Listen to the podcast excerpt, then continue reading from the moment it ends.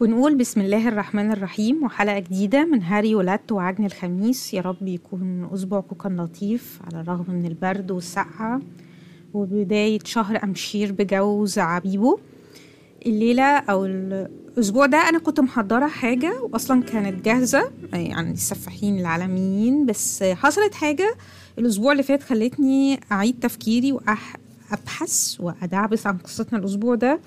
وهي زي ما عرفتوا من العنوان هي عن سفاح القدس المحتلة. يوم 27 يناير الماضي آه، حصل هجوم على مجموعة من المستوطنين الإسرائيليين في مستوطنات غير شرعية على أرض القدس المحتلة آه، على أرض في القدس الشرقية. تم قتل سبع مستوطنين على يد الفلسطيني خيري العلقم وأنا آسفة لو أنا كنت بنطق الأسماء في الحلقة دي غلط خالص بس معلش أنا آسفة. خيري عنده 22 سنة وهو من أبناء القدس من الطور والهجوم اللي عمل كان هجوم منفرد ما كانش تبع أي جماعة. آه، كان تم وضع الاعتبار إن الهجوم دوت جه رد على تصعيد القوات الإسرائيلية آه، لهجومها على الفلسطينيين. في الأراضي المحتلة خاصة بعد آه، الهجوم اللي حصل في معسكر جنين آه، قبليها بيومين بعد اقتحام القوات الاحتلال الإسرائيلية لمعسكر جنين في شمال الضفة الغربية وقتلها العشر أشخاص منهم سيدة كان عندها الله يرحمها 61 سنة وكان اسمها مجدة عبيدة. طبعا غير النقاش المعتاد في وسائل الإعلام العربي حول إذا كان خيري العلقم كان إرهابي أو لأ مع أخذ الاعتبار أن المستوطنين الإسرائيليين هم مسلحين. وليهم سجل جرائم إرهابية بيتم الصمت عنه في وسائل الإعلام بس آه، دي الحقيقة ويعني يكفي في معلومة مهمة إن هم موجودين وجودهم غير شرعي في الأراضي المحتلة طبقا للقانون الدولي وقرارات مجلس الأمن والأمم المتحدة اللي إسرائيل بتشرب عليها كوباية مية. أكتر دولة أساسا ضاربة القرارات الدولية في عرض الحائط. المهم كانت في معلومة مهمة جدا وكان في مفاجأة.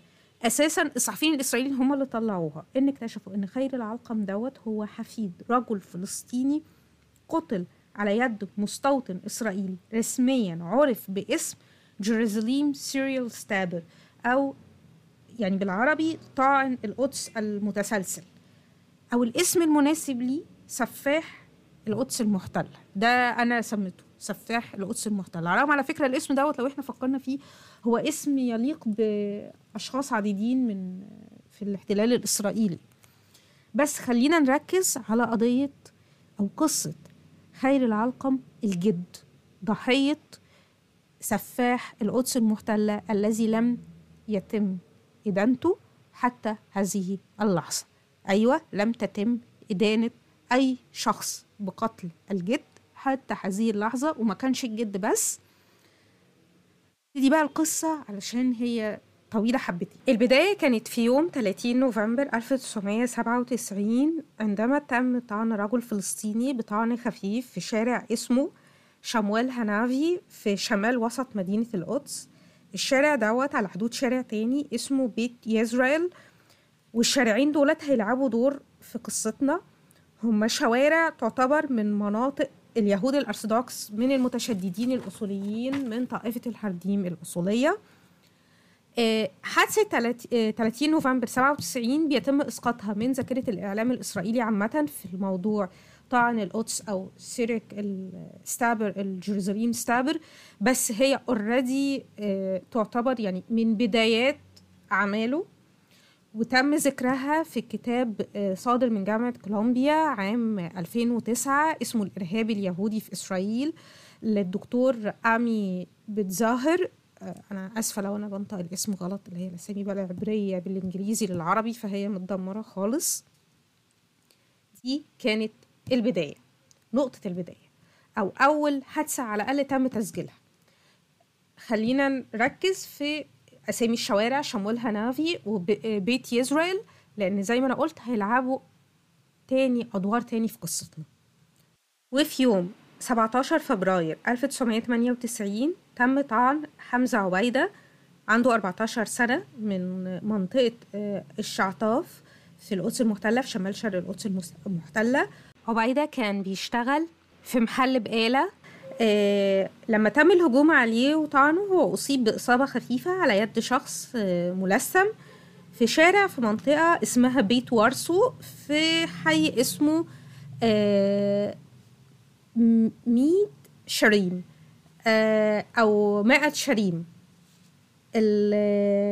برضو الأسامي ديت ناخدها نخلينا بال- بالها لأن ميت شريم هيلعب برضو دور.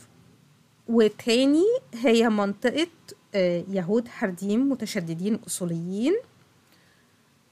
وهي إحنا ابتدينا نشوف شوية في ترند شوية ابتدى يكبر. بعديها في يوم 10 مارس تم طعن وإصابة ناصر بشرات من منطقة الجابا برضو في القدس المحتلة. كان عنده وقتها 17 سنة وكان برضو شغال في محل بقالة. تم الاعتداء عليه في شارع اسمه رشيد شاموش وبصراحة أنا قعدت أدور شوية وأعرف هو موق- موقعه فين في الخريطة وطلع برضو قريب من ميت شريم وبيت يزرائيل وبرضو معقل لليهود الأرثوذكس. بعديها بيومين في 12 مارس تم طعن الفلسطيني أيضا حسن كعبانة وللأسف أنا لو أنا بتأسف لو أنا بنطق الأسامي غلط أوكي؟ في شارع عمومي في منطقة ميت شريم كعبانة كان عنده 35 سنة. هو مش مذكور تفاصيل أكتر عنه. آه، إصابته كانت خطيرة بس عايش الحمد لله. المهم إن طعن كعبانة كان نقطة فاصلة في تحقيقات شرطة الاحتلال الإسرائيلية. طلع في الاعتداءات السابقة كانت شرطة الاحتلال بتظن إن من فعل من طعن ولدين عندهم واحد 15 آه، 14 سنة و17 سنة كانت عصابات فلسطينية ب... وفلسطينيين بيخلصوا على بعض. عشان طبعا الفلسطينيين هم الأشرار وهم الإرهابيين. الفكرة إن يعني أنا بفكر طب يعني سبحان الله يعني العصابات سابت كل مناطق فلسطين وراحت في منطقة فيها يهو... آه، يهود حرديم متطرفين ممكن يبانوا يعني يبانوا واضحين في الشارع وعلى كده محدش شافهم أو حاجة.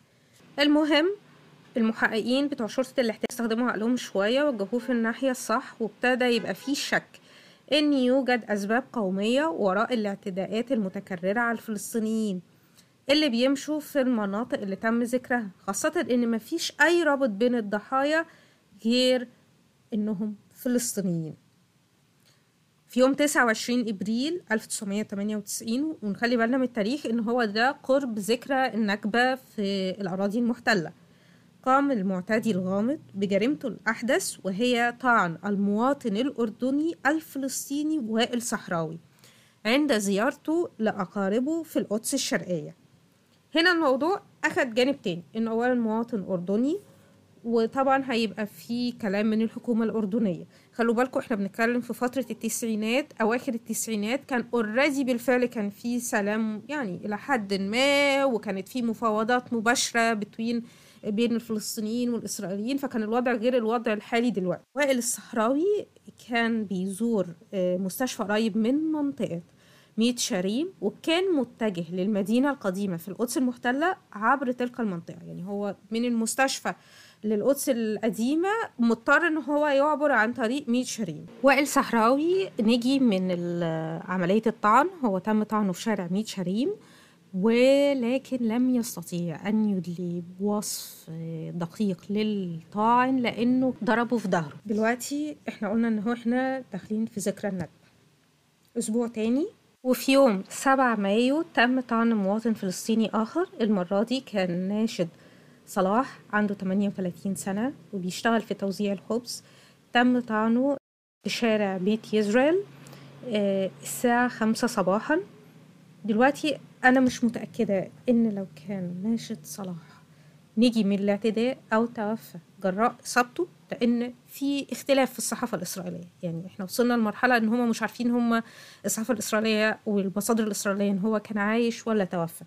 في كتاب الإرهاب اليهودي في إسرائيل ذكر إن هو تم إن هو الله يرحمه توفى من جراء إصابته. أنا أتمنى إن يكون عايش. طبعا ده بيوريكوا قد إيه إن الروح الفلسطينية أو الناس في فلسطين بيبصوا لهم قد إيه في الإعلام الإسرائيلي إن حتى مش عارفين هو الراجل عايش ولا توفى. المهم أهم شيء حصل في القضية دي وكانت برضو نقطة مهمة إن ناشد صلاح أعطى للشرطة الاحتلال وصف لمن قام بالإعتداء عليه. ويبدو إن وما يرتديه ويبدو إن هو ما كانش ملثم الطعن المتسلسل اللي هو ممكن يكون لو كان ناشد صلاح توفاه الله واستشهد يبقى قاتل كان ملتحي. إحنا لازلنا في شهر مايو 1998 وذكرى النكبة وفي يوم 13 من مايو قبل ذكرى النكبة بيومين آه الطاعن ضرب ضربته وكانت قاتلة بمعنى قاتلة كانت طعنات هتشعر بها إسرائيل بعدها بعقدين من الزمن. في يوم 13 مايو تم طعن عامل البناء آه خير العلقة عدة مرات حتى الموت وهو في طريقه للعمل في موقع في مستوطنة راموت بعد قيامه بصلاة الفجر بالمسجد الأقصى. خير العلقم الله يرحمه تم طعنه عدة مرات. حتى في الشارع. شموال هنافي لو أنتوا فاكرين الشارع ده تم ذكره في الأول. على حدود شارع بيت يزرائيل هو كان أب لتسع أبناء. تم طعنه عدة مرات في بطنه. العملية دي تعتبر أول عملية طعن تؤدي للموت. يتم توثيقها رسميا ويتم اتهام ذلك الطاعن المجهول بيها. خلاص كده إحنا بقينا في serial killer رسمي نظمي فهمي يعني خلاص. بعد خير العلقم الله يرحمه القاتل قعد فترة خمول. وصراحة أنا مش عارفة تفسير الفترة اللي هي ال dormant state دي اللي هي قعد فيها خمول هل هي كانت خوف ولا كانت حالة نشوة زي المخدرات وهو في level القتل؟ الله أعلم. هل كان في سبب قهري خلاه يبطل إن هو يهاجم الفلسطينيين بعدها؟ الله أعلم. بس في شهر سبتمبر شرطة الاحتلال الإسرائيلية استجوبت واحد إسرائيلي لديه علاقة بجماعات قومية متطرفة بس أطلق سراحه بعد اجتيازه اختبار كشف الكذب اللي هو ال polygraph test أساسا اختبار كشف الكذب هو من الأشياء الجدلية في التحقيقات الجنائية وأيضا قدام القانون. وطبعا على فكرة لو فاكرين جهاز كشف الكذب لعب دور في قصة جمعة الشوان أو أحمد الهوان الله يرحمه وكمان في قصة إعدام ميت فيبدو أن استخدامه في إسرائيل من الناحية الأمنية كان بجد. المهم إن علماء طب النفس بيشوفوا إن ال polygraph test نادرا ما بيساعد في إظهار الحقيقة أو الأدلة لأن ممكن خداع وطبعا قصة أحمد الهوان الله يرحمه يعني أحسن مثال. وعشان كده لا يأخذ به في المحاكم مثلا الأمريكية. نروح إلى 2 ديسمبر 1998 ذلك السفاح عاد لنشاطه المميت. وتاني مرة. خمسة صباحا في الصباح الباكر طعن مواطن فلسطيني عامل النظافة أسامة نتاش حتى الموت. أسامة نتاش من أبو الطور في القدس الشرقية. تم طعنه في شارع شموال هنافي برضو زي خير العلقم. الله يرحمه الله يرحمهم هما الاتنين. المحزن إن نتاش تم قتله على بعد من 27 متر فقط من منزله. طلع إن الشارع شموال هنافي طلع من الشوارع اللي هي البافر زون اللي بتفصل بين الأحياء الفلسطينية والأحياء اليهودية من وقت من قبل 48 الراحل أسامة نتاش كان عنده ست أبناء. وهنا حصل حاجة تانية في الجريمة دي. إن الأول مرة الجاني يترك سلاح جريمته وهو سكين والسكينة دي عن طريقها تأكدت شرطة الاحتلال الإسرائيلية إن الجاني يهودي. هل كانت السكينة بتستخدم في الذبح على طبقا للشريعة اليهودية كوشار هي ليها اسم اللي هي الشاشيشتا الله أعلم مش واضح. وكمان مش واضح هل كان في بصمات على سلاح الجريمة أو لأ. دلوقتي شرطة الاحتلال قالت إن عندها شك إن المهاجم كان بيقتل الفلسطينيين انتقاما لقتل اليهود على يد الفلسطينيين بسبب جريمة قتل أسامة نتاش الله يرحمه على يعني مقربة من منزله وتصريحات شرطة الاحتلال الإسرائيلية إن الجاني ممكن يكون يهودي. ينتقم للقتل اليهود حصلت مظاهرات في مناطق الحكم الذاتي في الضفة الغربية وكانت فيها مصادمات عنيفة. طبقا لتقارير الصحافة الغربية على فكرة. في يوم 13 يناير 1999 تم طعن مواطن فلسطيني آخر من راس العمود. بس ما كانش فيه تفاصيل أكتر من كده هوت. هو دوت تم ذكره في كتاب الإرهاب اليهودي ال- بإسرائيل اللي ذكرته قبل كده. وكانت تقريبا دي آخر حادثة معروفة للقاتل أو سفاح القدس المحتلة. هي ما وردش ذكرها في الصحافة العامة أو ال mainstream media في إسرائيل. طبعا كان السؤال يا ترى هل ترى القاتل اضطر التوقف عن عملياته لظروف قهرية؟ اتقبض عليه اتجوز خلف. الله أعلم. المهم نيجي للحياة العارية إن كان في يعني إسرائيل اللي كانت بتوقف الدنيا علشان مواطن إسرائيلي اتخدش ما كانتش عارفة تقبض على الراجل ده. ليه؟ في بقى يعني دي بقى اللي هي يوري لك آه، قمة التفرقة العنصرية. طلع إن مفيش شاهد عيان واحد اتكلم أو قال إن هو شاف القاتل أو الطاعن في كافة الشوارع اللي تم ذكرها من اليهود المتشددين الأرثوذكس الحديم لأن هم كانوا شايفين يا إن هو كان بيقتل واحد عربي فلسطيني فمش مهم. الشرطة الإسرائيلية لم تعثر على شاهد واحد يقدر يقول أي تفصيل في الشوارع اللي أنا ذكرتها ديت في الحوادث دي. محدش فتح بقه إن يقول حتى الراجل ده راح كذا الراجل ده راح فين.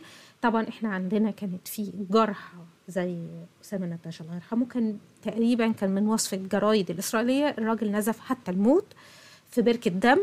إيه يعني تفاصيل كانت بالفعل بتقول لك قد إيه هي الفرق أو التفرقة العنصرية بالفعل كما يقول يقول الكتاب. طبعا أنا معرفش لو كان في CCTV وقتها اللي هي كاميرات المراقبة وأظن إن هي كمان الشوارع ديت اليهود المتطرفين ما بي- بيعتبروها زي الديموك... ال technology مش غاويينها قوي. بس إن ما فيش شاهد واحد بيقول أنا شفت شخص ما ملثم بيضرب شخص تاني أو بيطعنه وهرب في الاتجاه ده. مفيش. دي يعني أنا بالنسبة لي كانت معلومة في منتهى الغرابة ومنتهى الع... يعني يعني طب أنتوا عرفكم إن اللي بيتضرب دوت مش مواطن إسرائيلي؟ الله أعلم. هل كانوا عارفين إن دولت فلسطينيين؟ الله أعلم الله أعلم. يعني كانت حالة حاجة غريبة بالفعل ومستفزة جدا. دلوقتي في الفترة بتاعة سنة 1999 و2000 كانت أسرة خير العلقم الله يرحمه تقدمت بطلب الحصول على من الحكومة الإسرائيلية لاعتبارهم. العلقم كان من ضحايا الإرهاب في واقعة نادرة طبقا لقانون ضحايا العمليات العدائية الإسرائيلي. الحكومة الإسرائيلية رفضت طلبهم بسبب أنهم لم يك- يكونوا يهود إلا أنهم طعنوا أمام المحكمة العليا الإسرائيلية في أغسطس. آه، 2000 والمحكمة وافقت على طلبهم وأمرت الحكومة بدفع 162 ألف دولار بس في كلام الأسرة لم تحصل على المبلغ بسبب تدخلات الجمعيات اليهودية. الله أعلم بصراحة. وإلى صيف 2010 fast forward عندما أعلن أقوى جهاز أمني في الشرق الأوسط القبض على مشتبه به في قضية طعن القدس بعد عشر سنين وهو اسمه حييم بيرلمان. آه، حييم كان ناشط معروف من اليمين المتطرف كان عضو في الجماعة المحظورة اليمنية المتطرفة كاخ. جماعة أو حزب كاخ أنشئ في عام 1971 على يد الحاخام مائير كهانة وأفكاره المتطرفة الصهيونية الكهنزم أو الكه... الكهنية أنا معرفش بتقولها إزاي بالعربي. هي ضد العرب عموما يعني وضد أي حد مش يهودي ويكفي أن أقول إن مؤي... إن من مؤيدي الحزب ده كان الإرهابي باروخ جولدستاين اللي نفذ عملية الحرم الإبراهيمي سنة 1994 وقتها بسبب تأييد الحزب لما فعله جولدستين الحكومة الإسرائيلية حظرت حركة وحزب كاخ وحتى هذه اللحظة الحزب والحركة بيعتبروا حركة إرهابية في كل من إسرائيل واليابان وكندا. الولايات المتحدة والاتحاد الأوروبي كانوا حاطين حركة كاخ كحركة إرهابية لغاية سنة 22 آه، حيث هنا بقى السياسة ولعبها. من الآخر أمريكا عرفت وتوقعت إن وصول المؤيدي حركة آه، الكهنيست دولت إلى سدة الحكم في إسرائيل وقد كان ودي المفاجأة إن أنت ممكن تمنع حزب.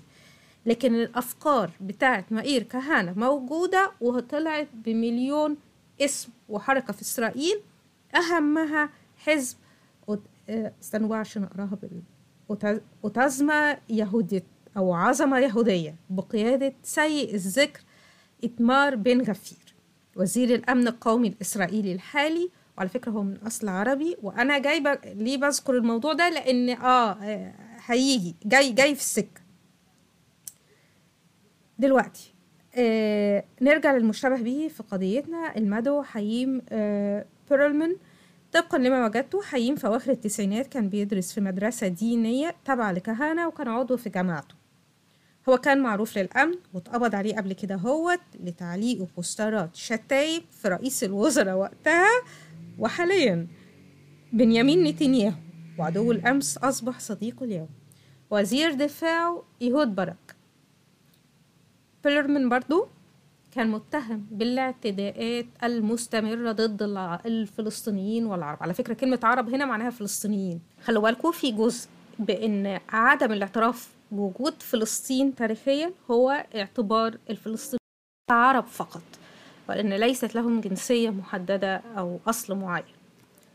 المهم الأستاذ حييم طلع في التلفزيون الإسرائيلي ونفى الاتهامات ليه بأنه قتل على الأقل اتنين فلسطينيين. على فكرة كان الإعلام الإسرائيلي محتار هل هم اتنين فلسطينيين ولا أربعة فلسطينيين. يعني تخيلوا يعني حتى مش عارفين العدد كام. قال إن الشن بات اللي هي الأمن القومي بتاعهم اللي هي زي الأمن الدولة مستقصداه.